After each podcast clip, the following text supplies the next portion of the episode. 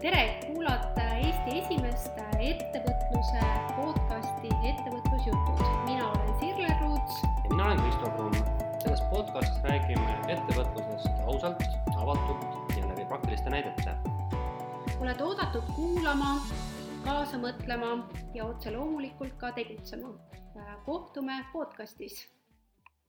tere, Ettevõtlusjutud taas kord eetris, mina Sirle tere ka Kristo poolt nii, meil on äh, kaunis suvi käes äh, ja taaskord on ettevõtlusjuttude aeg, et vahepeal on paar nädalat äh, taas möödas, et kuidas siis on läinud, et mina olen ausalt öeldes teinud nüüd peale seda koroonat tööd ja ja nüüd võtan siis puhkuse, aga, aga sellel samal teemal, selle töökuse teemal, ma arvan, et me täna ka räägime pikemalt. aga kuidas sul, Kristo? mina ma ei avalda praegu kõiki kaarte, aga ma valmistan nüüd uut äri ette, ma sulle sellest rääkisin eelmine kord eh, mikrofoni väliselt, et kui see asi lõpuks kuskile välja jõuab, siis räägime sellest veel põhjalikumalt, aga siis jah, ütleme niimoodi etteruttavalt, et mul tekkis üks uus äriidee ja ma nüüd siis käin läbi seda alustava ettevõtja teekonda, eh, kasutades siis kõiki oma oskusi, kogemusi, teadmisi, et, et kas siis sellest ideest saab asja või ei saa asja. ma arvan, et lähima paari kuu jooksul saab siis selgust ja kui siis see asi on ähm, käima läinud, siis ma saan sellest ka võib-olla rääkida mm. -hmm. aga kui käima ei lähe, et kas sa räägid ka ja. kogemusest? jaa, ka siis võib rääkida, just nimelt mm, -hmm. et ka see on õppetund, kui käima ei lähe mm. -hmm selles mõttes me oleme mõlemal, mõlemad hästi huvitavas etapis, et sina äh, otsid seda äh, uut sellist ettevõtlusinspiratsiooni mõnes mõttes oma praegusest tegevusest väljaspool ja ma selles mõttes saan ka sinust aru, sest sa oled oluliselt kauem minust koolitanud ja, ja võib-olla ongi aeg äh, väikeseks värskenduseks. mina seevastu otsin seda äh, ärivõimalust äh, enda äris sees läbi just uue ärimudeli ja digitaliseerimise et seega siis äh, see on hea näide sellest, et ettevõtjatena me peame kogu aeg kohanema ja otsima neid võimalusi. ja vot selles mõttes, et jube hästi ütlesid, et, et sina püüad, eks ole, kasvada oma ärimudeli sees ja seda mudelit äh, võib-olla siis nii-öelda tõesti nagu mugavdades ja muutes. mina läksin äh, teist teed äh, või lähen teist teed, et katsetada uusi mudeleid, uusi ärisid, eks ole, mis võivad olla tõesti, nagu sa ka mainisid, väljaspool tänast tegevust Äh, ja siin on ilmselt natukene see ajalooline taust ka, et, et äh, mina olen olnud ettevõtja nii pikka aega ja ma olen hästi palju selle paarikümne aasta jooksul katsetanud erinevaid asju. Äh, kuidagi on niimoodi juhtunud, et, et väga paljudest äridest oleks olnud ka laiendamist väärt, aga kuidagi mingil X põhjusel nad said otsa. ja, ja seetõttu mul on nagu olnud see, mul on see kogemus olemas, kuidas nagu minna erinevatesse sfääridesse aga mis on, ma arvan, see õppetund sulle, mulle ja kuulajatele, on see, et eh, mis me oleme siin kõikide nende ju podcast'i selle aasta jooksul rääkinud, et see ettevõtjaks olemine on nagu maailmavaade või elustiil ja, ja, ja me tahaksime ka anda siis nagu mitte ainult lihtsalt teoreetilist juttu, vaid ka praktilisi näiteid, et kui sa oled ettevõtja või et, noh, ütleme loonud ettevõte või, või hingelt ettevõtja, siis tegelikult sa võid tegeleda ju mille iganes, mis kvalifitseerub ettevõtteks ja, ja see meie praktiline kogemus on ka kuulajaid äh, kõnetanud, sest äh, ma olen saanud tagasisidet äh, sellele, et mulle on kirjutatud, et õnneks teil on täpselt samad mured nagu mul. vot, see on hea jah et seega siis äh, ikkagi ausalt ja avatult ettevõtlusest äh, ja tõesti, ega meie ei ole Äh, siis teistsugusemad ettevõtjad, äh, sõltumata sellest, et me oleme ettevõtluskoolitajad, et me peame iga, ikka ise ka need äh, kõik väljakutsed ja etapid oma ettevõttes läbi tegema. aga mis sa arvad, Sirle, kas me võiksime teha kunagi ühe saate ebaõnnestumistest või? me vist ei ole rääkinud sellest või? me vist oleme natukene niimoodi siin ja seal, jah ja., aga ma arvan, et see on väga hea idee, et võiks, võiks rääkida küll. jah, et iseenda kogemuste baasilt kõige rohkem ikkagi mm, -hmm. eks ole, mhm. et kus kohas on siis läinud asjad mitte päris seda teed, nagu me lootsime või millega me oleme siis nagu võssa pannud.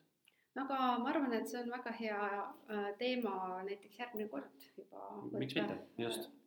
siis, aga alustame siis tänase teemaga, täna on hästi-hästi intrigeeriv teema ja tänase teema pealkiri on see, äh, kas ma olen kapimiljonär. mida ma täpselt äh, sellega mõtlen või mida me mõtleme on see, et eelmine kord me rääkisime rahatarkuse abc-st ja siis tekkis mõte, et võiks ju rääkida sellisest nii-öelda edasijõudja rahatarkusest. aga kui me siin Kristoga seda arutasime, et siis see kuidagi läks selliseks äh, nii keeruliseks äh, või, äh, või noh, see päris ei ole võib-olla podcast'i teema, et see on juba koolituse teema, et kuidas siis äh, täpsemalt siis oma sellist finantsplaneerimist ettevõttes teha. Aga me toome täna hoopis teises võtmes selle ja, ja see, et kui me ettevõtlusega alustame, siis ju kas teadlikult või alateadlikult on ikkagi ju ootus saada mõnes mõttes rahaliselt sõltumatuks või finantsvabaks või siis see, et me saame kuidagi oma elustiili finantseerida. ja see nimetus kapimiljonär tuli tegelikult äh, ühest artiklist, et ma mõned nädalad või isegi kuu aega tagasi jagasin oma Facebooki lehel mm, siis Raivo Heina äh, kohta artiklit, kuidas ta CV Keskuse müügist äh, siis teenis oma esimesed miljonid. ja seda postitust on Mm, väga paljud siis minu jälgijad kas siis jaganud või siis klikkinud, ehk siis näiteks engagement ehk siis kaasatus oli äh, kolm korda isegi kõrgem kui tavapostitustel ja ka selline noh, reach ehk siis kui paljudeni ta jõudis, oli siis oluliselt kõrgem ehk siis äh, see miljoni või miljonäri teema ikkagi kõnetab väga äh, inimesi äh,. Ja siinkohal muidugi äh, on oluline öelda, et äh, mina ei ole äh, siis äh, miljonit äh, äh eurodes äh, teeninud ja isegi kui ümber arvutada kroone, siis äh, mitte või krooni ajal ka mitte, et, et seega mina pigem filosofeerin ja olen selline äh, Äh, kapimiljonär, ütleme niimoodi äh, tänases podcastis, et aga kuidas sina, äh, Kristo, ja kuidas sind üldse te, see teema kõnetab? Ma arvan, et kui ma olin noorem, siis ma unistasin kindlasti miljonäriks saamisest. vaata, ma töötasin pangas nagu sinagi ja kuidagi minu ümber oli palju selliseid edukaid inimesi ka varasemates töökohtades ja ja ma nägin, et see tundus nagu äge olevat, et miljon ja sellest räägiti nii palju. ma mäletan, kui Äh, meil LHV ei olnud veel pank, vaid olid finantseerimispank või investeerimispank, ta oli siis investeerimispank just, siis nemad äh, Rain Lõhmuse eestvedamisel käisid mööda ilma ringi ja õpetasid, kuidas teenida miljonit, see oli krooni ajal, siis ma mäletan hästi, kuidas loodi selline matemaatiline seos, et vot nii palju teenid, nii palju paned kõrvale ja nii mitme aastaga ongi sul miljon käes. see tundus kuidagi niisugune, et kõik sellest rääkisid või vähemalt mulle tundus nii. Äh, mina olen miljonär olnud krooni ajal oma ettevõtte müügist ma teenisin mitu miljonit. ja, ja see oli selline noh, see oligi nagu äge kogemus. Ja oma äris ma olen äh, näinud äh, oma arvel palju kordi miljoneid, kui ma olen laenu võtnud või, või midagi taolist. et olen, olen nii-öelda saanud seal neid miljoneid ja olen ka neid kulutanud ja olen ka teeninud eurode ajal noh, kui me oma käibe võtame, siis me oleme miljonärid, eks ole, miljoni me oleme aastas teeninud, ütleme, siis nagu eh, eurot kroonidesse tõstes, eks ole, aga euromiljonidest meil on veel pikk maa minna vist. Jah, sest äh, üks asi, mis meid mõlemaid võib-olla euro puhul äh, siis ühendab, on see, et äh, kui ma õigesti mäletan ühest postitusest, mis ta, mis sa jagasid siis sotsiaalmeediast, et me mõlemad oleme tegelikult aastatulu ületanud sada tuhat eurot. Mm -hmm. et seega siis noh, kui võtta nagu kroonidesse, siis me mõnes mõttes krooni natuke oleme, jah. jah, just. et seega siis me oleme siis jah, et, et saavutanud sellise kuuekordse siis müügitulu ja ma arvan, et kui meid kuulavad sellised alustavad mikroettevõtjad, siis võib-olla neile tundub see täpselt sama nagu meile miljoni mm -hmm. saavutamine. aga hästi huvitav teema, mida sa tõid äh, siia lauale, on see, et et kõik unistasid miljonist või miljoni teenimisest ja mina mäletan siis, kui mina hakkasin ettevõtjaks, see oli kaks tuhat seitse, kaheksa aasta, ja siis ma olin äriidee otsingutel, et milline äriidee siis võiks noh, nii-öelda miljoni tuua ja noh, ma arvan, mina tunnistan tõsiselt, et ma olen niisugune kapimiljonär olnud, et ma olen unistanud, aga ma ei ole julgenud, osanud. ja siis äh, ma mäletan seda hetke, kus äh, siis ma töötasin ka pangas äh, ja, ja otsisin oma äriideed ja siis lugesin mingi välismaa blogis, mingi ingliskeelsest blogist, et kuidas siis äriideed leida ja siis seal oli õpetus, et äh, noh, analüüsi turgu, et vaata, et kus kohas kõige rohkem raha nagu liigub. Ja mina selline hästi tubli õpilane, nagu ma olen, on ju, eeskujulik, siis võtsin äh, sellel hetkel siis Äripäeva edukate ettevõtete topi ette ja vaatasin, tegin analüüsi, ma tegin tõsiselt puhtalt, ma mäletan seda õhtut ka, kuidas ma analüüsisin, millistes ettevõtetes siis äh, raha on. Ja seal äh, siis olidki erinevad siis need ärid ja ma mäletan, et siis oli see, et IT ja niisugune infotehnoloogia et see on selline, kus kohas on võimalik seda siis äh, teenida ja siis äh, ja siis ma hakkasingi seda blogimist tegema, siis ma tahtsin aastaid-aastaid teha ettevõtlusportaali, see ebaõnnestus.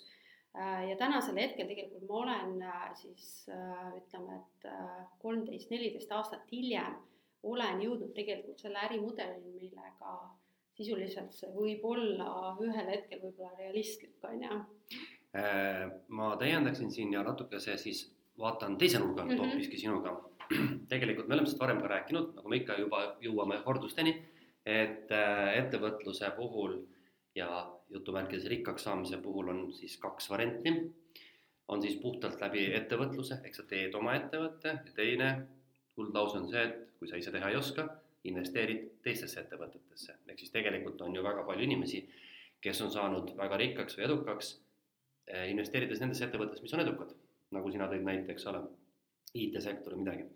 mina olen muuseas, eh, olles küll nii kaua olnud ettevõtluses, siiski selline hästi konservatiiv muuseas. ma ei ole kunagi investeerinud startup idesse.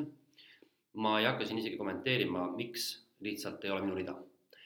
Mina olen, ma lugesin kunagi ammu-ammu aega tagasi ühest raamatust või oli see isegi üks mu sõbra viide ühele raamatule, kus ta ütles niimoodi, et selle mõtte autor on, nüüd vot eesnimi ei tule meelde, perenimi on Žilett, kes mõtles umbes samamoodi nagu sina, kuidas saada rikkaks. ja tema mõtles niimoodi, et peaks tegema mingi sellise asja, mida vajavad iga päev hästi paljud inimesed ja mis maksab väga vähe ja tootis Žileti. Ja mina olen ka seda meelt, et kui ma olen seda öelnud ja ütlen uuesti välja, see on minu filosoofia, et kui keegi küsib minu käest, siis mina ütlen niimoodi millega inimesed, mida inimesed vajavad alati ja kogu aeg. tänapäeval nad vajavad jah, IT-d, aga mõtleme teistpidi. mina olen niimoodi, et inimene sünnib siia maailma ja sureb siit maailmast. Need on kaks kohta, kus tekib äri, eks ole. see on sünnitusäri ja see on matmisäri. me vajame süüa, me vajame energiat, meil on vaja see solk ja prügi ära viia ja sinna vahele jääb veel mõni üksik valdkond. ja need on tegelikult minu jaoks need valdkonnad mis olid miljonid, no okei okay,, miljon mitte, ütleme tuhanded aastad tagasi ja on ilmselt ka tuhat aastat tulevikus. seega siis mina jätan IT sulle ja lähen vot selliste äride peale. ma saan aru, et seal ei ole kasumlikkus suur, aga see on igikestev nõudlus mm. -hmm, mm -hmm jah, sest äh, see on hea näide sellest, et, äh, et miks meil on äh, Kristoga väga hea podcast'i teha, sellepärast et mõnes mõttes me töötame sarnases valdkonnas, aga me oleme samas ka väga erinevad ja, ja ma arvan, et see erinevus rikastab meie kuulajaid. aga kui tulla siis tagasi selle kapi miljonäri juurde, et siis kui ma hakkasin seda teemat ette valmistama, siis ma mõtlesin, et aga kuidas siis miljonäriks saada ja kui me eelmine kord rääkisime sellest, et meie ettevõtte finantsvõimekus võiks olla selline, et meie ettevõte võiks olla meie neljas pensionisammas et siis ju see mõnes mõttes on sama, kas me nimetame seda neljandaks pensionisambaks või äh, miljonäri äh, staatuseks või, või millekski muuks, et äh, mida, mida siis selleks on vaja. ja kui ma vaatan iseenda praktikat ja samas ma vaatan oma klientide praktikat ja ma usun ka, et kui võt-, mõelda Raivo Heinale, kes, kes siis oma miljonit teenis ja ke, kelle lugu siis minu jälgijaid väga kõnetas, et siis seal on ikkagi selline kaks äh, väga olulist asja, on tarkus ja töökus. ja, ja juhul, kui inimene on töökas ja ta on kohal, siis tekib ka mõnes mõttes õnn või see võimalus üldse, et kui sa töökas ei ole, kui sa kohal ei ole, siis noh, mõnes mõttes õnn ei leia sind ülesse või raha ei leia sind ülesse. Et seega, seega ma mõtlen, et äkki täna, kui me räägime sellisest, kas me oleme kapimiljonärid, et, ähm, et kuidas siis sinna jõuda, et äh, kapimiljonär, see tähendab seda, et, äh, et inimene, kes unistab, aga ta ei tunnista endale seda, esiteks, et kas, äh, et ta tahab saada miljonäriks või, või jõukaks või rikkaks. Ja teine on see, et, et ta tegelikult tegevused ja see soov ei lähe omavahel kokku et võib-olla esiteks võtakski selle, et kes siis kapimiljonär on. et noh, mina arvan, et, et seal on jah see, et kas siis äh, ei tunnistata endale, et on soov siis rahalist äh, jõukust saavutada või siis äh, puuduvad need tegevused jah, no vaata selle meie jutu alustuseks võiks tuua selle igavese anekdoodi, et, et mees suri voodil, mehe käest küsitakse suri voodil, et kas sa millestki jäid ka ilma, mida sa unistasid oma elu jooksul ja ta ütleb, et jah, ma oleks tahtnud võita lotoga miljoni. ja siis selle peale ütleb jumala hääl, et aga oleks võinud ju osta lotopileti siis vähemalt, vähemalt ühegi. et vaat seesama, nüüd see, see kapis olemine tähendab seda, et äh, me peaksime kõigepealt äh, noh, nii-öelda nagu tõesti unistama või, või vähemalt nagu noh, niimoodi hästi esoteerilises keeles visualiseerima, eks ole, milline see tulevik on. et vanasti mäletan, oli hästi palju äriplaanides see visiooni teema ja siis mina püüdsin ka inimesi nagu õpetada visioneerima, et noh, et, et see ei ole see, et, et et see on selline pisikene asi, vaid visioon peaks olema midagi suurt ja võimast, mis samas peaks tunduma ikkagi veel noh, realistlik. et, et mina sinna sinu poolt toodud see, kuidas see oli siis, töökus, tarkus ja õnn või mm, -hmm. mina siis pööraks vastupidi, mina hakkaks pihta õnnest ja selle koha pealt ma saan rääkida enda lugusid, et, et minu oma elus olen teinud, nagu ma olen rääkinud, erinevaid ärisid ja kõik nad on juhuse tõttu tekkinud. ainult see koolituse äri, mida ma praegu teen, on teadlik, et ma tean, et ma oskasin seda või tahtsin osata või, või uskusin, et oskan teha ja töötan selle nimel, aga kõik varasemad ärid on kogemata minuni tulnud. aga tõepoolest, et see peab olema, sa pead olema nagu avatud, et see lotopilet tuleb osta, eks ole. ja nüüd ütlen ka mina, et, et kui sa oled nagu avatud nii-öelda otsingutele või soovile, sa vaatad ilmas ringi, nagu sina tegid võib-olla niisuguse matemaatilise analüüsi, mõni vaatab lihtsalt lahti silmade ringi, aga see, see õnn peab olema, et sa, sa, sa näed, märkad seda võimalust, seda ärivõimalust ja see ärivõimalus ka märkab sind. ja nüüd on siis piltlikult öeldes selline moment, jälle nagu esoteeriline jutt, et kui näiteks ütleme, et toome niisuguse näite, et, et sina näed mingit ärivõimalust praegu või meie kuulajad näevad, siis nüüd on see nüüd see sinu tarkus ja koht, kas sa nopid selle ülesse ja kui selle üles nopid, siis see võiks olla niisugune sõnum, et nii, Sille, sa nüüd ootasid, et saada nüüd nagu miljonäriks, nüüd ma pakun sulle võimaluse, nii saatus nii-öelda ütleb sulle, et proovi. ja vot nüüd edasi tuleb see tarkus ja töökus, kas sa suudad selle võimaluse nagu kasvatada selliseks, mis täidab sinu unistuse mm? -hmm. See on väga hästi kokku võetud, et äh, kui ma mõtlen enda äh, siis äh, äridele, et siis äh, noh, ma olen, ma olen mõnes mõttes jah, koolitaja, ma olen ka raamatupidamist teinud ja äriplaane kirjutanud, et selles mõttes on see hästi-hästi sarnane. et minul on olnud äh, jah, pigem niimoodi, et ma olen teinud teadliku otsuse, aga nende äride sees äh, siis peab olema olnud nagu valmisolekut või tarkus teha teistsugune otsus Äh, ja siis on saanud noh, sellel hetkel, kui äh, siis teha see teistsugune otsus, et siis on, ongi olnud need olukorrad, kus kohas tegelikult äh, elu pakub alati võimalusi.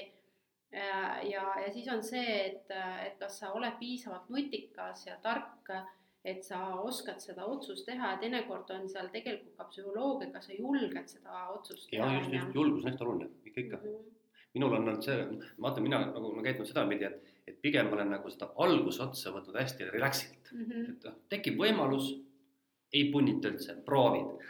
aga nüüd ühel hetkel, vot siis, kui nüüd see proov hakkab, vot siis ma võtan asja tõsiselt.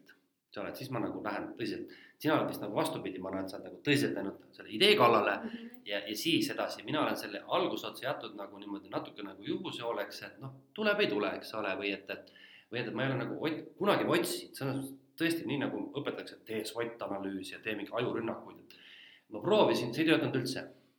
ma ikkagi nagu tegin nii, et ma lihtsalt jätsin nagu nii-öelda, viskasin nagu selle lotopileti lauale ja ootasin loosimist mm. -hmm. ma olen mõnes mõttes praegu katsetanud äh, sellega, et millest me oleme siin äh, selle isikubrändi Äh, loomise abc-s rääkinud, et kuna ma oma selles magistritöös spetsialiseerusin siis e-koolitustele ja kogu selle e koolituste digitaliseerimisele, äh, siis, siis ma mõnes mõttes olen siin suve jooksul proovinud, et noh, et, et kas, kas see teema võiks nagu mõnes mõttes kõnetada, et kas see võiks olla minu selline uus suund ja ma olen tõesti väga tõsiselt tegelenud sellise isiku brändingu loomisega läbi selle ja no ei tule, sellepärast. mis asi ei tule? Äh, seal on, seal on see, et ma arvan, et seal on kaks asja. Äh, üks on see, et, äh, et mul on endal mingi selline vähene huvi selle valdkonna vastu, sellepärast et minu enda põhiäri on lihtsalt niivõrd huvitav praegu. üks on see ja teine on kindlasti see, et see, see valdkond Eestis on lihtsalt äh, niivõrd spetsiifiline või, või siis, või siis seal on sellised ähm, noh, ütleme, et äh, noh, mida ma olen tagasisidena saanud, ma olen küll pakkunud noh, saatnud linke ja artikle, artikli esitamise ettepanekuid ja et noh, et, et siis ma olen saanud tagasiside, et noh, et, et noh, päris nagu see ei, nagu ei kõneta või et, et see probleem ei ole nii piisavalt suur, pigem ongi see jah, et, et see probleem ei ole piisavalt suur. Äh, ja, ja siis äh, ma otsustasin jah, et, et ma äh, tegelikult keskendun selle oma magistritöö raames saadud teadmise suunamisele enda ärisse ja sellega on tulemus. no vaata, aga võib-olla sa tegelikult praegu pingutadki ja kangutadki, tegelikult mm -hmm. lase nagu lõdvalt. ja, ja, ja ega isikubränd tuleb ju ikkagi läbi toote-teenuse mm -hmm. või läbi selle, mida sa pakud, et kui sa võtad mingi Youtuberi, siis tema ju ka pakub midagi, eks ole, ega ta lihtsalt ei seisa niimoodi seina ääres. Et äh, eile ma andsin intervjuu Eesti Ekspressile, kes, äh, kes kirjutab äh, artiklit Andrei Ževakinist kui isikubrändist ja ma siis kommenteerisin natuke laiemalt üldse isikubrändi Eestis ja siis ma tõin seal kommentaari, et minul võttis aega kaks aastat umbes ja see reporter ütles, et tundub täitsa okei okay aeg olevat. nii et noh -hmm., kui sina suvel alustasid, siis ära nüüd veel kiirusta, oota natukene, et, et see võib-olla see tulemus tulebki hiljem, aga ma arvan, et, et see nüüd, nüüd, kui me tuleme tagasi selle nagu töökuse ja selle juurde, siis, siis see, kui sina räägid, et sina tahad luua endast isikubrändi, siis tegelikult see nagu see ettevõtte loomine, et ega kohe ei tulegi tulemus, vaid see ongi see töökus ja visadus, et nüüd veel kord, et see, see loogika, kuidas nagu edukaks, rikkaks saada kunagi tulevikus, tähendab seda, et, et minu jaoks on see nii, et sa nopi see idee ülesse kui see sind kõnetab, nagu sina ütled, sind huvitab praegu see hoopis see teenuste disain, siis, siis nüüd näe vaeva ja pinguta ja, ja siis ühel hetkel me, me mitte kunagi ju ei tea, kas see idee töötab ja siis sa näed selle mõne aja pärast, kas see töötab või ei tööta, ega nii, no nii, nii ta ongi. ja kui see töötab, siis, siis noh, tegelikult on ikkagi üldiselt saatus meie vastu suhteliselt helde, et, et see tuleb ka tasu. jaa, ma olen väga tänulik selle peegelduse eest ja ma soovitan ka kuulajatele, et kes väga nagu pingutavad või noh, mina olen selline, selline noh, pingutaja, et ma võtan ette ja siis ma teen niimoodi korralikult. Et, äh, et tegelikult äh, noh, tulebki see, et ma arvan, et kui me räägime sellisest äh, isikubrändist ja edukast inimesest, et siis see edukus ei ole ainult see, mida ta teeb, aga see, mida ta elab või kes ta on, on ju. et, et seal siis tulebki seda Äh, seda noh, kujundada läbi iseenda. aga tulles nüüd tagasi selle jah, selle tarkuse, töökuse juurde, et, et võtame need teemad nüüd võib-olla natukene mm, äh, lahti, et äh, et kui me räägime töökusest, siis mida mina näen oma klientide peal, kes on ettevõtluskoolitustel käinud ja need, kes on ka ettevõtlusmentorluses käinud siis, äh, siis tegelikult äh, minu jaoks tähendab töökus sellist hästi tugevat enesedistsipliini, järjepidevust, äh, takistuste ületamist, tegemast asju siis, kui ei taha ka, et lähed ja istud ja teed. ja ma näen, et sageli ettevõtluse puhul juhtub niimoodi, et eriti, kui inimesed on näiteks oma palgatööl kas läbi põlenud või, või nad on hästi-hästi pingutanud, siis nad ootavad ettevõtluses mõnes mõttes seda, et see on nüüd puhkus. ehk okay. siis äh, äh, ehk siis äh, või siis on see, et mul on niivõrd vaba elustiil, et äh, ettevõtjana ma ju ei pea nagu pingutama, ma ju palgatööl pingutasin, et mis, mis asja, mis asja nüüd ma siis ettevõtluses pean ka seda tegema või siis on see, et teoorias äh, teadvustatakse seda, aga praktikas äh, see enesedistsipliin ja juhtimine jääb ikkagi sinna alla, kuidas sul kogemus? no jah, ma selles mõttes äh, olen, olen üldmõttes sinuga sama meelt, et seda ütlevad ka spordis ja kus iganes, et, et sa pead arvestama, et õnnel ja andekusel on tegelikult väga väike osakaal kogu edus, et see, kui sa vaatad nagu äh, neid tänaseid miljonäre, miljardäre ka Eestis, neid IT-vendi, tegelikult nad on ikka sittakanti tööd teinud, nagu ropult pingutanud, eks ole, riskinud, noh, neid, neid tunde on nii palju tehtud, et mina ütlen, et, et ma toon mängu selle kuulsa kümne tuhande tunni reegli, et sa pead oma kümme tuhat tundi täis tegema, et et äh, ma ei oska, ma ei oska sulle kommenteerida niivõrd hästi või, või võib-olla pole see aus kommenteerida, et kas teised ettevõtjad vähem pingutavad, mitte, aga, aga tervikuna võttes Eh, mina ütlen ka jah, et, et see pingutamine tähendab seda, et sa teed palju tunde tööd mm. -hmm. sa teed, sa teed seda põhitööd, mis sa teed, sa teed oma mingisugust turundust, müügitööd, sa teed oma mingit ettevõtja tööd, et sa teedki neid tunde ja teedki palju jah, ja on küll jah, see on õige mm. -hmm. vabandust, äh, siis kui ma kuulasin seda Youtube'is on investeerimisfestivali see äh, Äh, üks Raivo Heinaga tehtud intervjuu, et ma soovitan seda isegi kuulata, äh, et seal on kapitalisti pihtimus edu valem. Ja see, siis äh, temalt sealt küsiti, et noh, et, et mis see siis edukaks inimeseks teeb, et mis tegevused need on või kes on edukas inimene, noh, ta räägib päris palju sellisest psühholoogiast ja tasakaalust ja, ja valikutest Mm, et äh, noh, mõnes mõttes seal hiljem, kui äh, video lõpus, siis talt küsit-, küsitakse ka, et et noh, see on küll väga, väga tore, et äh, saan olla tasakaalus, aga kui sa pead ettevõtluses ikkagi tegema selliseid ebameeldivaid ülesandeid, et kuidas siis sellega toime tulla, kas hakata ettevõtjaks või mitte. ja siis ta toob väga hea näite, et ettevõtja on justkui jõgi Äh, kes siis voolab või mis siis voolab äh, läbi noh, takistustest kas äh, ümbermööda või siis pealt või alt või ehk siis juhul, juhul kui siis ettevõtjana need takistused on sellised, et sa ei taha sealt alt voolata või, või, või sealt pealt või, või sa ei taha üldse sellest takistusest mööda voolata, et siis noh, tema ütles niimoodi, et no siis ei olegi see sinu jaoks ja ongi kõik. ja siis ma hakkasin mõtlema, kui ma kuulasin seda ise, et et kuidas siis minul on, et kui ju võtta ausalt, et on ju ettevõtluses ju neid tegevusi, mis ei meeldi ka, on ju. ja kui ma vaatan oma kliente, siis peamine asi, mis siis ei meeldi, on turundus. ehk siis äh, päris paljud ju ütlevad Äh, seda, et äh, ma ju hea meelega teeks seda oma äri, aga, aga noh, ma, ma ei, mulle ei meeldi see müük ja turundus. Äh, kui aus olla, noh, ma olen ju turunduse müügijuhtimise magistriõppe lõpetanud ja olnud ka müügijuht kuus aastat. et selles mõttes, et noh, müük ja turundus otseselt ei ole midagi sellist, et mis mulle ei meeldiks. aga ütleme niimoodi, et mulle meeldib ka seda nagu oma asja teha rohkem, on ju.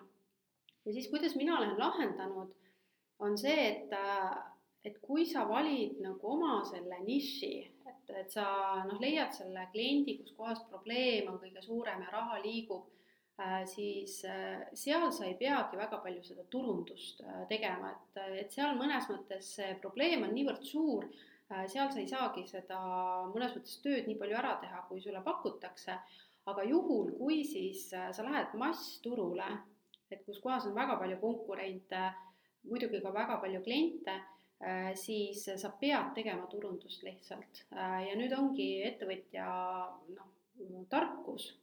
Äh, see, et kuidas oma ärimudel üles ehitada niimoodi, et, et siis noh, isegi see turundus ja müük oleks sobiv, on ju. mis sa arvad, kuidas sul? Ma praegu mõtlen, et ähm, noh, ma arvan, et müügitöö on küll see, mida ei taheta, te viitsite teha. Selline otsene, et sa pead minema kellelegi midagi pakkuma. Sellega on nagu keeruline, turundust eh, tegelikult isegi tahetakse teha, noh vähemalt eh, ütleme, selles mastaabis, mis see ettevõtja ette kujutab ja äh, ja, ja aga noh, selles mõttes see on õige jutt jah, et, et kui sul on, eks ole, tiheda konkurentsiga äri, siis sa pead tegema rohkem turundust ja kui sul on selline spetsiifilisem äri, siis on pigem otsesuhtlus ja, ja püsi, püsi nii-öelda kontaktid, eks ole. ma tegelikult laiendaks su mõtet eelmist, see jutu alguse veel sellega, et kuidas see ebamugavuste teema on, see, see jõe voolamine. Et äh, ma kunagi jälle kuskilt lugesin seda, äh, kellegi kuulsa mehe ütlus, et et mis on vahe edukatel ja ebaedukatel, et edukad inimesed on teinud endale meeldivaks ebamugavat asja tegemise. ma olen seda mõtet hästi teadlikult peas hoidnud, vahel ka pean seda mõtet päriselt kohe järgima, et ma tean, et on mingi ebamugav asi. Mm,, teen ära, äh, eks seal on vahe sees, vaata, kas sa teed nagu palgatöötajana või, või kodus või teed sa nagu äri mõttes, et kodus sa lükkad selle koristamise edasi ja võib-olla ei juhtugi mitte midagi, eks ole. noh, see nagi on vaja seina panna, ei juhtu ka mitte midagi veel, kui ei pane lähimad kolm aastat seda nagi, nagi sinna seina. ettevõtluses on see asi, et lihtsalt siis jääb äri seisma, eks ole, et seal on ju see vahe. aga, aga see pingutamine jah, et, et see on, see on ikkagi nagu selline mm,, see on nüüd sama kategooria tüübid nagu Raivo Hein on seda Eestis ka öelnud, et et kui sa ettevõtjanigi alustad, siis alguses pead fokusseerima raha teenimisele jõuga, kõike tegema, kõiki tegevusi. Ja siis vaata see kapist välja tuleks see meie tänased pea nii-öelda see kandev moto, see kapimiljonär, see tähendabki seda, et ühel hetkel sa näed ja tunned seda võimalust, et nüüd see ettevõte toodab sulle nii palju raha, et sa ei pea enam otseselt vaeva nägema, vaid sa võid hakata nautima protsessi, eks ole. tegelikult selle mõtteloogika on see, alguses ei ole üldse protsessi nautimine asi iseeneses niisugune räige vastik töö, eks ole. ehk siis äh, kui me sinuga oleme koolitajad, see tähendab seda, et me teeme lihtsalt tuimalt tunde tööd, et koolitada ja seda kõike seda tööd teha. ja alles see nii-öelda hiljem see nautimine tähendab seda, et noh, nüüd me võime sinuga siin näiteks siin võtta ette, täna selle kliendi võtame, vaata seda klienti ei võta, eks ole, ma mäletan, kuidas Peep Vain oma edu tipphetkedel ütleski, et ma teengi ainult selliseid töid, mis mulle tohutult meeldivad, niisuguseid tuimi koolitusi ma enam üldse ei teegi. see tundus tol ajal nagu, et huvitav, kas ma jõuaks kunagi sinna, eks ole. et aga see on näide sellest, et sa, sa ikkagi edu saavutamise nimel pead tegema ebamugavaid asju, pead tegema palju ragunikutunde või noh, kuidas iganes nimetame. selleks, et, et sinna kappi mitte jääda. aga ma küsin sult nüüd niisuguse teema, kuidas sa nagu nüüd, sa ise ütled, sa väidad, sa oled kapimiljonär. et äh, mul on siis nagu see küsimus, et, et kas sa tahad sealt kapist üldse välja tulla ja kas oskad sealt välja tulla mm.?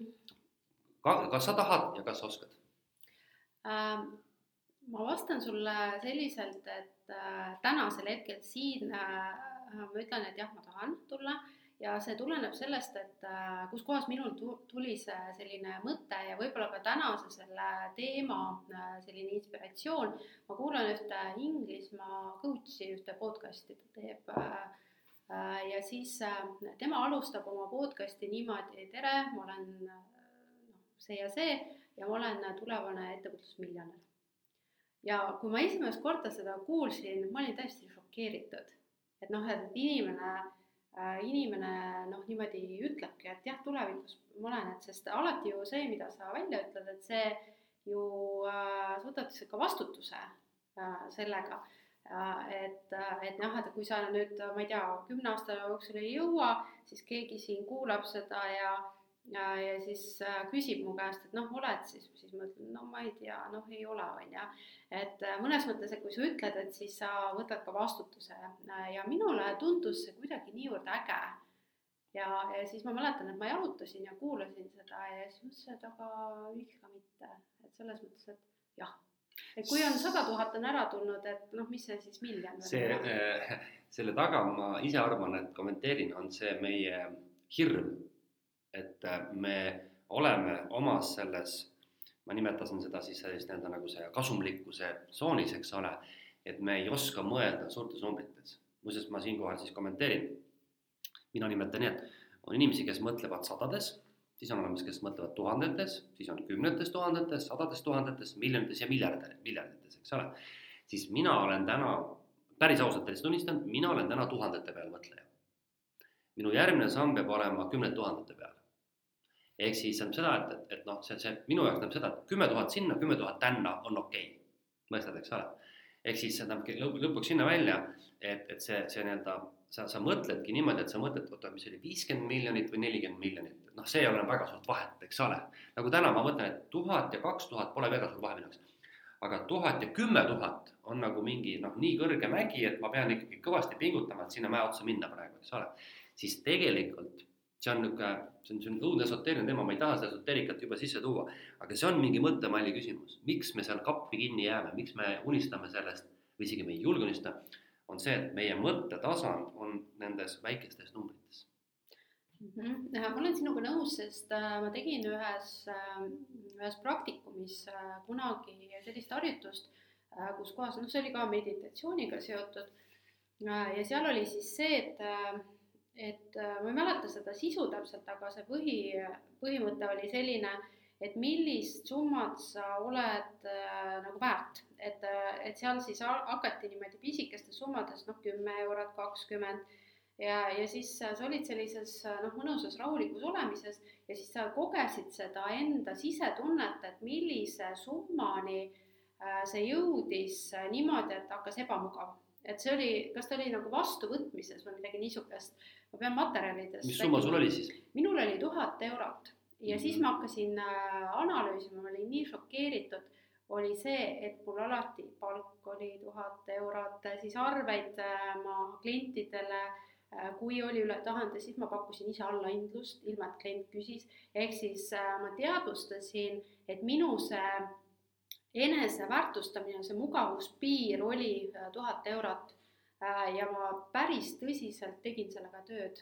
Äh, ja noh, nüüd ta on kõrgemaks läinud, aga noh, ma tahan siinkohal öelda, et igalühel on see ebamugavuspiir. on, on ja ma arvan seda, et, et see, et sa praegu räägid sellest, et, et sul on, eks ole, äh, sa oled seal kapis, siis usu mind, see ongi probleem selles, et sa ei mõtle miljonitest. -hmm. on ju, ma olen muuseas sedasama harjutust teinud natuke teisel kujul, see oli umbes midagi sellist, et või ma olen tudengitele teinud, et näiteks, et ma ei tea, kirjutan seina peal tahvli peal, kui palju te raha tahaksite teenida, mis on teie unistus? kümme tuhat, viiskümmend tuhat, sada tuhat ja siis on veel mingi number ja siis ütleme, üks inimene sajast on öelda, et aga seda numbrit pole olemas, küll lõpmatus kirjuta sinna, üks inimene sajast. ja see oli ka kuskil kirjas, et, et miks tuhat, miks mitte kümme, aga miks mitte viiskümmend, eks ole. E, nüüd, nüüd mul siit, ma ennetan ühte küsimust, mis võib kuulajal tulla, kes võib öelda umbes, et mida ülbe jutt, et noh, mõte siin sadadest tuhandest miljonitest, noh kust see miljon tuleb, siis mina olen seda mõtestanud niimoodi. Eh, kui mina tahan luua äri ja oletame, et mul on vaja kapitali, siis vaata, me sinuga puutume kokku selle alustava ettevõtja suure püramiidi alusega, kus me räägime kuus tuhat eurot eh, Töötukassa toetus ja viisteist tuhat keskmiselt siis see starditoetus, eks ole. aga mõtle niimoodi, et mul oleks vaja miljonit laenata, et ehitada midagi ülesse. kas sa julged mõelda sellisest finantsinvesteeringust? ja kui sa sellest ei julge mõelda, siis sa ei tee pagan selle kuue tuhandega miljonit, sa ei tee lihtsalt, no see ei ole, noh, teed viiekümne aastaga, on ju. et see ongi see näide, kui sa tahad enda jaoks küsida, mis numbritest mina mõtlen, siis mõtle, milline on see rahanumber, mida sa julgeksid mõelda, et ma looksin oma äri. no ma ei tea, me istume siin Tehnikaülikooli majas, ehita niisugune maja püsti. noh, näiteks ma ei tea, mis ta maksab siin, paarsada miljonit või. kas sul on sellist mõttehaaret üldse? ja vot siis me hakkamegi rääkima kas me räägime kuus tuhat, siis me räägime tuhandetest, kui me räägime viisteist tuhat, siis me räägime kümnetest tuhandetest, kui me räägime, et ma investeerin miljoni, vot siis me räägime, et inimene mõtleb miljonites äh, seega siis äh, me jõudsime ringiga tarkuseni, ehk siis tarkus saab ka alguse sellest äh, aus iseenda vajaduste ja soovide osas, et ma tean, mis, mis need on, aga mis see teine küsimus oli, mis sa küsisid? Äh, esimene oli, kas sul on äh, ja. julgus, teine on, kas sa oled mõelnud, mis nüüd teha tuleb siis selleks? aa, mis, mis teha? Äh, selles osas ma teen väga teadlikult tegelikult tegevusi, ehk siis mina olen selles mõttes ol, olnud julge ja tark selles osas, et ma kaks aastat tagasi loobusin oma aja müügist, et ma ei tee saalikoolitusi, ma teen ainult Tallinna Tehnikaülikoolis ja siis mul on mõned sellised äh, oma klientide kaudu.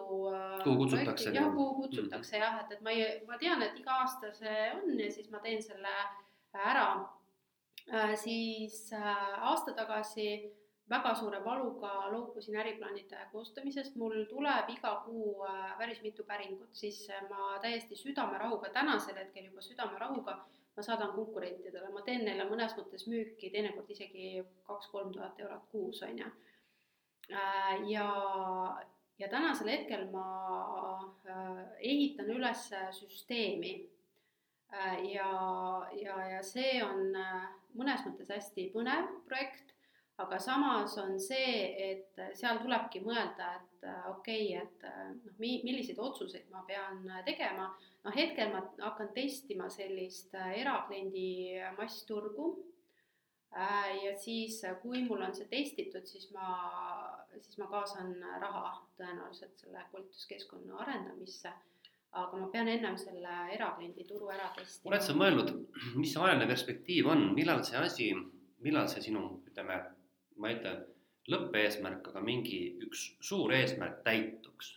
noh, ärme nimeta seda rahas miljoniks või kas toode on valmis, aga niimoodi nagu natuke abstraktselt, mis sa arvad, et kui sa täna alustad, sa toodad seda, mul juba vaimusilmas hakkas ette kujutama, kuidas tekib üks startup keskkond, mida või võimalik ära müüa kellelegi. et mis sa arvad, kui see aega võtab? Vot äh, sellele küsimusele ma ei oska vastata, sellepärast et tänasel hetkel äh, on selge, et, äh, et ma olen ise kõige suurem kasvupidur, on ju, oma ettevõttes. ja ma püüan nüüd leida tegelikult seda lahendust, et kuidas mingid asjad siis natuke teistmoodi ümber märki, mängida, et mul on mõned mõtted, kuidas seda teha. Ja siin ongi see, et ma pean, mis mul on praegu väljakutse, on see, et ma pean sellisest enesekesksest ärimudelist, kus kohas mina olen kõige olulisem isik ja ma olen armunud nagu sellesse rolli, ma pean totaalselt lahti laskma, sest juhul, kui ma ei lase sellest lahti, äh, siis minu äh, noh, ütleme müügipotentsiaal aastas võib-olla jääbki sinna kuni sada tuhat äh, see ei kasva, see ei kasva, eks ole, jah, jah, ma olen nõus, see ongi see, et sa pead mõtlema nagu, et sina oled selle idee autor mm, -hmm. mitte see kese, see kogu see äri ise.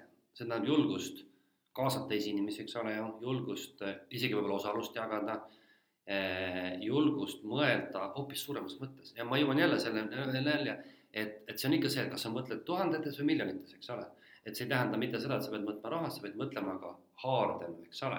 noh, mina näiteks täna, kui ma siin mainisin, et ma siin mõtlen uusi ärisid välja ja tahan midagi uut teha, siis ma tegelikult olen jõudnudki sinna, et ma täna ei ole nagu eh, ütleme enda jaoks leidnud seda sellist ma, ma saan aru küll väga hästi, et, et, et see, mis sina teed, ongi tegelikult kasumlik, aga lihtsalt mind see ei kõneta, vaata, eks ole, ma ei ole seda teed läinud ja ma olengi näinud, et, et see koolitusäri sellisel kujul võib-olla jääbki tulevikus selline, noh, kihvt hobi, et nii mõnus on, mulle meeldib käia rahva ees rääkimas, vastupidi sulle, eks ole.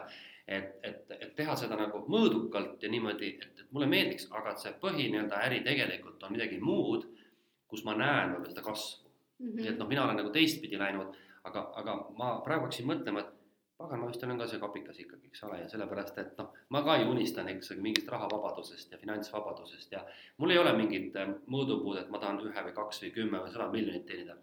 mul on pigem see, et ma tahan luua finantsvabadust selleks, et äh, midagi muud teha. ja noh, me siit jõuame siin järgmine küsimuseni, et miks me üldse sellest finantsvabadusest räägime, et, et, et oskad sa nagu seletada, et kui nüüd mina oleks näiteks alustav ettevõtja, sina räägid mulle sedasama juttu siin ka API miljonär ja kõike see, et tee suuri plaane ja ja siis mina küsin, aga miks? kuidas nad vastavad mulle siis? no ma arvan, et kõik ikkagi taandub sellele, millest me tegelikult ennem eetriväliselt rääkisime ja millest ka tegelikult äh, see Youtube'i äh, video rääkis, on see, et et luua enda ellu sellist äh, tasakaalu ja, ja noh, sellist eluväärset elamist kus kohas sa ei pea keskenduma ellujäämisele, vaid sa saad kogeda seda elu mitmekülgselt, et tegeled oma hobidega, äh, perega aega veeta äh, ja luua võib-olla väärtust hoopis teisel tasandil, et, et ma arvan, et see võiks olla see ikkagi lõppeesmärk, aga noh, kui ma vaatan enda puhul, siis kui kujutada ette näiteks, et äh, ühel hetkel oled miljonär, äh, siis ma arvan, et ma peaksin minema äh, ma ei tea, töötamise võõrutusravile mingiks ajaks. sa maksad natuke selle, päris palju oma raha selle võrdlusraviks, eks ole. jah, sest noh, mina olen ikkagi töönarkomaan, et see on nagu selge, et või siis isegi mitte tänasel hetkel töönarkomaan, ma olen nende ettevõtlusideede nagu sõltlane täiesti. Et kus kohas äh, noh, mul tuleb mingi inspiratsioon ja siis, ja siis ma võin äh, tõesti noh, töötada ennast sisuliselt haigevoodisse. et, et ühesõnaga kõik terapeudid, kes kuulavad, et siis kui Sirle saab äh, miljonäriks, et siis äh, palun nagu sellist taastusravi. kutsuge kohe ravile mina, ma kordan siin üle oma mõtte, mis mul on alati olnud ja mida ma olen ka siin podcast'is juba rääkinud sinu jutu peale üldse tulevikus, et et ikkagi me taandub sinna ära, et ähm, ettevõtluses on kolm põhisuunda, miks seda tehakse. üks on seesama nii-öelda elustiil kui selline, eks ole, mis tähendab seda, et, et see võib haarata nii väga suuri ettevõtteid, kus noh, ma ei tea, Urmas Sõõrumaa on ka elustiilt ettevõtja ja meid sinuga siin, eks ole, see tähendab seda, et et, et elustiil tähendab seda, et me töötame oma mingil lemmikalal ja, ja me teenime seeläbi tulu ja me ei käi niisugusel klassikalisel palgatööl, sest meile meeldib see ettevõtja elustiil, mis on küll riski, riskantsem võib-olla, aga annab selle vabaduse, eks ole. nii, teine pool on siis see raha teenimine. ja siin on samamoodi, et see raha teenimine võib olla väike, noh see, et lihtsalt ellu jääda, aga, aga see võib olla ka see, et noh, et sa teed seda äri selleks, et see toob selle papi sulle ja sa saad selle rahaga midagi muud luua ja noh, siinkohal mina ütlen niimoodi, et, et elustiil on üks midagi, mis ilmselt on kõikidel ettevõtjatel, väikestel ja suurtel. Nüüd raha teenimine võib ollagi selline, et, et see võib olla selline, kus tõesti puhtalt keskendud sellele, et jõuda sinna miljonini välja sealt kapist välja, et sa saad noh, ütleme siis nüüd minna ümber maailma reisile, tegeleda oma abidega, nagu sa ütlesid, eks ole, ja see raha teenimine eh, noh, ütleme, et see, see, see ettevõtlus ise on lihtsalt üks tööriist, üks vahend, eks ole. see ei ole nagu mingisugune sinu, enam mingisugune armas laps või kunst, see on mingi, mingi firma, mis toodab sulle pappi piltlikult öeldes. ja nüüd kolmas variant on see, noh, selle parim näide vastu on äkki mingi Elon Musk, kes tahab ilgelt maailma muuta, noh, eks ole, need on mingi omaette kategooria tüübid, kes töötavad ka surnuks selle nimel, et luua midagi nii enneolematut, kus ma ei tea, pool inimkonda saab nüüd midagi uut luua. vot see keel minus puudub küll täiesti praegu, aga need kaks esimest on küll esindatud, nii et mina ütleks niimoodi, et minu eesmärk on läbi ettevõtja elustiili luua endale finantsvabadus, et tegeleda tegelikult nende asjadega, mis mulle hoopis meeldiks. no ma arvan, et ma olen ka enam-vähem seda, kuigi äh, mul on päris tugevaid märke see Elon Mus- Muski äh, teemal, et mul, mul teinekord noh, ma tahan äh, oma mõtetes vähemalt äh, noh, seal, kus ma kapis olen miljonärina, et seal kapis ma mõtlen ka selliseid maailma muutvaid asju, aga, aga jah, et ma arvan, et domina-, domineerima ikkagi jäävad need, et ma saan äh, kuidagi rahulikumalt äh, nagu võtta, on ju, et ma saan äh, nagu oma unistusi teostada, on ju.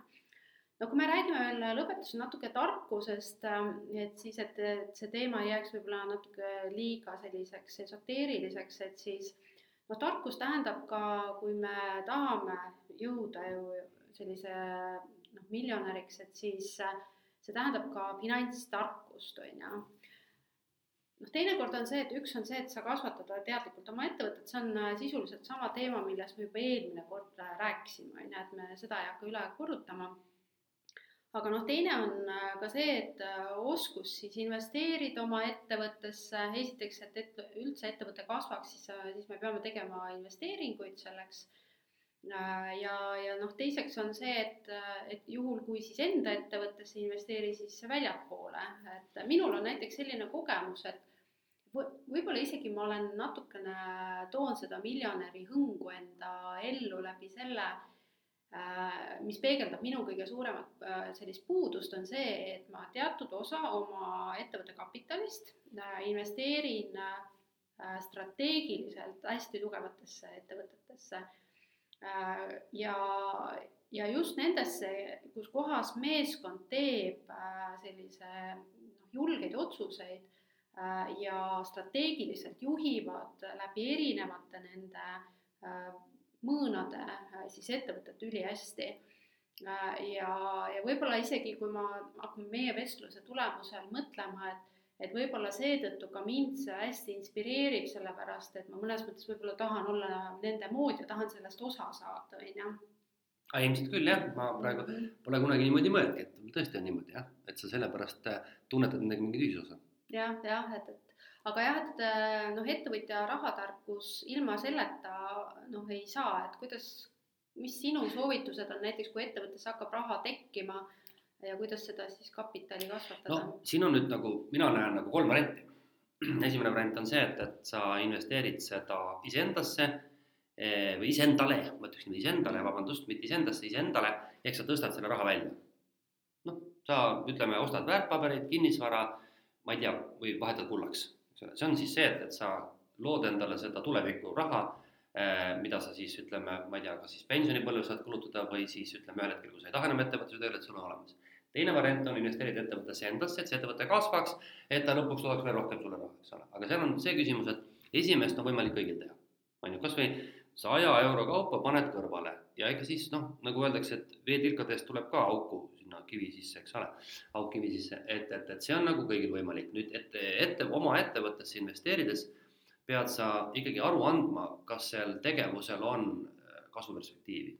sina näed seda perspektiivi täna, mina näiteks oma koolitusäris täna seda teinud ei ole. ehk siis mina ei ole nüüd otseselt investeerinud peale, ma ei tea, arvutipargi mitte midagi, eks ole, tegelikult ma ei ole. ehk siis äh, mina olen täna kasutanud seda, et ma tõstan raha välja või ma siis kasutan seda raha lihtsalt elukvaliteedi tõstmiseks. aga oma ettevõtte ehk siis Risto Kruun koolitused puhul minu investeeringud on väga tagasihoidlikud. nüüd aga on kolmas asi, mida ma teen. ma võtan selle raha, investeerin teise ettevõttesse vot see on see point. ehk siis mul kunagi näiteks oli selline suur ettevõtte võrgustik, mul oli nii-öelda emaettevõte ja mul olid tütarettevõtted. ja minu emaettevõte oli nüüd see raha vahenduspuu. nii et ma liigutasin oma rahasid läbi, ütleme, erinevate tütarettevõtete, läbi et arendada neid kõiki. ja täna ma näengi seda varianti, et ma hakkan äh, oma ettevõtte tulu eh, suunama teistesse ettevõtlusharudesse ehk siis äh, mul on tegelikult noh, siin peale selle, et mul siin mingid mõtted, mul on ka äh, siin vanemate mingeid ärisid, mida ilmselt mingil hetkel ma võib-olla pean üle hakkama võtma. ehk siis see on nüüd kolmas variant ja see põhjus on siis kahesugune, esiteks on see, et, et kui sul niikuinii tuleb ettevõttesse raha ja sul on mingid äriideed, siis, siis noh, alati on võimalik võtta laenu või kasutada oma vahendeid. kui laenu võtmine ei ole mõttekas mm, erinevatel põhjustel või ka võimalik, et siis kasuta oma raha, eks ole siis ma tõstangi seda raha teistesse äridesse, mis, kust hakkab noh, ütleme, alati on kaks varianti, kas sul on üks ettevõte, mis on sinu hitt või sul on kümme ettevõtet, mis kõik toodavad pappi, eks ole, siis noh, tegelikult lõpptulemus on sama põhimõtteliselt. siis mina olen seda teistpidi läinud, et ma loon nagu võrgustikku, et igalt poolt tiksub midagi ja võib-olla mingi asi kasvab suuremaks, mingi asi jääb sama suureks. Jah, seda öeldakse ju ka toote-teenuse arendamise nii-öelda teoorias, et igast viiest ideest üks on äh, edukas seega siis äh, noh, mõnes mõttes, kui on ainult üks ettevõte, ega siis ongi munad kõik ühes korvis. Äh, ja seal tulebki mõnes mõttes leida, et kas selles äris on äh, seda eduvõimalust või ei ole, noh, mina nägin, et seda oma tööaja müügis ei ole seda ja nüüd ma proovin nagu järgmist ja vaatan, et noh, et kas seal, seal siis on, on ju. kuule, aga meil on tegelikult selles mõttes nagu hea võimalus, et usutavasti meie podcast'id jätkuvad veel siin kümneid aastaid, eks ole et siis me saame võib-olla siin mõne kuu või poole aasta pärast siis natukese tagasisidestada, et me siin täna nüüd suvel kaks tuhat kakskümmend kaks räägime sellest, et sina arendad oma ettevõtet, eks ole, nii-öelda nagu hoopis teise kontseptsiooniga, mina loon siia kõrvale mingeid teisi tegevusi. et, et üks on see, et kas need käima lähevad, aga võib-olla on ka nagu iseendale huvitav rääkida lahti läbi kuulajate, kuulajate kõrvade või kuulajate kõrvadele, et kuidas meil siis läinud on, et kas meie plaanid teostusid ja kas me, kas me jõudsime kuskile välja ja ja, ja meil on ilmselt mingid eesmärgid, eks ole, et noh, et, et ma täna, mina oma eesmärke täna veel ei loo, ei, ei löö välja, et, et kui ma oma asjad saan siin tehtud, võib-olla näiteks aasta pärast on hea mõõta, mis siis nagu juhtus vahepeal ma arvan, et see on väga hea plaan ja, ja mõnes mõttes ma võin teha sellise otsa lahti. et mina teen, mida ma soovitan kõigile teha, mina teen oma iga-aastases ettevõtluses, teen eelarvet ja ma teen kolm eelarvet. minu jaoks tundub ühe summa paikapanek, noh, et millist müügitulu ja kasumit ma soovin, liiga stressirohke, sellepärast et kui ma seda ei saavuta, äh, siis, siis ma noh, piitsutan ennast päris korralikult, on ju. ja seega mina leidsin sellise lahenduse ja mõnes mõttes see ju ka toetab nagu miljonäriks jõudmist, on see, et mul on kolm eesmärki. mul on pessimistlik plaan, see on see, et kus kohas sisuliselt need müügitulud peaksid olema vähemalt nii suured, et et, et ma oleks nullis, noh, et selline tasuvuspunkti piir, on ju. Äh, siis äh, on selline realistlik, äh, see on siis ütleme, et kuni kakskümmend protsenti kasvu. noh, koolituse teenu, teenuseäris ma arvan, et see on nagu normaalne, et ongi niisugune realistlik, et ma iga aasta natuke kasvan ja siis on optimistlik, on see, et kus kohas on viiskümmend pluss protsenti kasvu. tänasel hetkel arvestades, et ma ei ole see see aasta neli kuud sisuliselt tööd teinud, tegin magistritööd, siis ma täna vaatasin, et ma olen selle äh, realistliku eesmärgi äh, noh, sellises äh, rütmis. et aga ta jääb alla eelmise aasta müügitulule, sellepärast eelmine aasta lihtsalt oli hästi, turg oli sassis, on ju, et see turg, turul oli anomaalia ja, ja ma sain seda ärivõimalust hästi ära kasutada aga kui ma võtan sellest eelneva aasta, et siis, siis see realistlik siis plaan on, on läht- või lähtub siis sellest eelneva aasta müügitulust, et sest noh, mina, ma arvan, vaata, sina oled finantsekspert rohkem, et et sa ei saa võtta nagu aluseks selliseid ühekordseid anomaaliaid. ei saa jah, jah, ikka. et sest sellisel juhul lihtsalt järgmine aasta ei pruugi ju see olla et see oli puhas selline õnn ja kohalolu, mis äh, kahe, kahe peale kokku tegid selle tulemuse. ja seega siis äh, mina saan kohe raporteerida selle aasta lõpus, kas ma siis äh, ületasin selle siis realistliku plaani, see ju võiks olla tegelikult see eesmärk või siis, või siis mitte ja kui ma, kui ma ületasin, siis, siis isegi nagu hakkab vaikselt liikuma. väga hea, no mina võin öelda nii palju, et mina eelarvet ei tee, aga ma umbes niimoodi visualiseerin, mis käive võiks olla enam-vähem ja ma olen nüüd ikkagi igal aastal käivet kasvatanud ka erinevate tegurite koosmõjul, mul on siin erinevaid nii-öelda aspekte. ma arvan, et sel aastal tuleb ka minu rekordkäive aga järgmisel aastal võib see langema hakata, sellel konkreetsel ettevõttel, kui ma teen oma teise äri ära, sest ma tean, et ma ilmselt loobun mõningatest äh, projektidest koolitusäris. Äh, ehk siis ütleme nii, et ma arvan, et mul summa summarum võib-olla käive jääb samaks isegi, äkki kasvab, ei tea, aga siis konkreetselt peab tulema erinevatest ettevõtetest, sellepärast et koolitusäris ma arvan, ma tõmban nagu natukese hoogu maha jah, sest äh, sa ei saa ju äh, samas mahus koolitada ja siis ka noh, oma aega müüa samas mahus ei saa, jah, ka uut ärimudelit. ei saa jah, ja teine asi on see, et, et ega ei saa hinda tõsta lõputult ka, sest praegu on näha, et äh, kuigi vahepeal hinnakasv oli täitsa olemas, siis nüüd on tellijad muutunud hästi hinnatundlikuks ikkagi. Või noh, ütleme mitte hästi, vaid hinnatundlikumaks, et, et ma näen, et äh, et, et see niisugune vahepeal oli võimalik tõsta siin hinda koolitusäris korralikult, siis kui ma jätan riigihanked kõrvale, siis niisugune era, eraäris eh, ikkagi ei ole päris sellist, no ütleme, et, et on olemas mingisugune selline tunnetus, et, et sealt hakatakse juba uurima ja mm, -hmm. ja kauplema allapoole. no mina ka tunnetan seda eraäri äh, ükskõik, kas need on siis ettevõtted või eraisikud, natuke sellist ebakindlust turul mm. -hmm, äh, siis ma vaatan, et, et nende, selles äris nagu on ütleme, et selle kanna kinnitamine on ikkagi päris väljakutsuv, et ja noh, niisuguses olukorras näiteks, et kus on ju hinnatundlikkus, et ma just lihtsalt lindistasin ka seda äh, konkurentsi äh, mm, siis teema õppevideot et siis, kui on see hinnatundlikkus väga suur, on ju, siis äh, läheb äh, mängu eristumine, et kuidas sa eristud, on ju.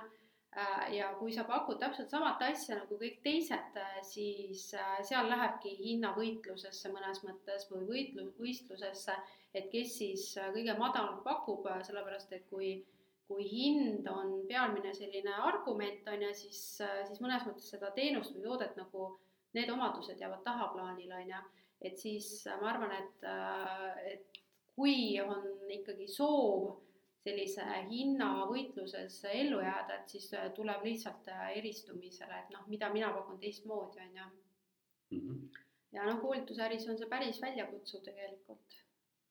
et mis, mis siis on, sellepärast et teemad on ju kõik samad, on ju, et Mm -hmm. aga siis hakkame tänast teemat kokku võtma Hästi. või mm? -hmm. Ma kirjutasin endale siin üles, et kaks sellist ähm, olulist äh, võib-olla harjutust äh, meie kuulajale. äh, et juhul, juhul kui siis see teema kõnetas, eks me siis statistikast näeme, kas see podcast'i osa on ka väga kuulatav äh, kui teised. aga mis on kaks soovitust, esiteks on see, mulle väga meeldis see küsimus, mis sa mulle esitasid, et kas, kas mina tahan miljonäriks saada, et siis sa saad aru, kui sa ütled, et ei ja täiesti rahumeelne ja sa ei loe ka näiteks internetist nende inimeste lugusid, kes on miljonärid, siis sa ei ole kapimiljonär, aga kui see teema kõnetas, et ja kui sa isegi hakkasid seda podcast'i lugema või kuulama, siis, siis jah, et ega sa tahad miljonäriks saada. Ja siis teine võib-olla väga hea harjutus on see, et mõtle, kuidas sa praegu mõtled, kas tuhandetes, kümnetes tuhandetes, sadades tuhandetes või miljonites mm. -hmm. ja mina ütleks niimoodi, et ega äh, ärge väga palju juhusel ja õnnelikke lootke, et, et, et selleks, et edu saavutada, kui tahetakse edu saavutada, siis tuleb need, need tunnid täis teha ja tuleb teha ka eba, eba, ebamugavaid asju, isegi nii toredas valdkonnas nagu ettevõtjaks olemine. Jah, et seega siis nagu Kristo siin ütles, see kümne tuhande harjutus, et mida see tähendab, et võib-olla mõned ei tea, et et selleks, et saada selliseks vilunuks ja heaks spetsialistiks. heaks spetsialistiks, siis sa pead kümme tuhat äh, tundi tööd tegema ja võib-olla siis tasubki kolmas ülesanne see, et seina peale panna see äh, summa ja siis hakata neid äh, sealt maha tõmbama, et ja siis vaadata, kui kümme tuhat täis saab, et kus kohas oled, et kas oled miljonäriks saanud või mitte, on ju. et minule lihtsalt väga meeldib maha tõmmata neid kui ma olen midagi ära te teinud. aga siis uute juttudeni ja järgmine kord siis, nagu sai juba välja reklaamida, on ebaõnnestumiste teema, et siin kahe sellise raha teema järgi siis ju võtame siis ausalt ette siis enda kõige suuremad ebaõnnestumised, et mm -hmm. tuleb siis peeglisse hakata nüüd vaatama, on ju. okei okay,, teeme nii. jaa, aga siis ilusat suve jätku ja, ja siis uute juttudeni. kena, kõike head, kohtumiseni. kohtumiseni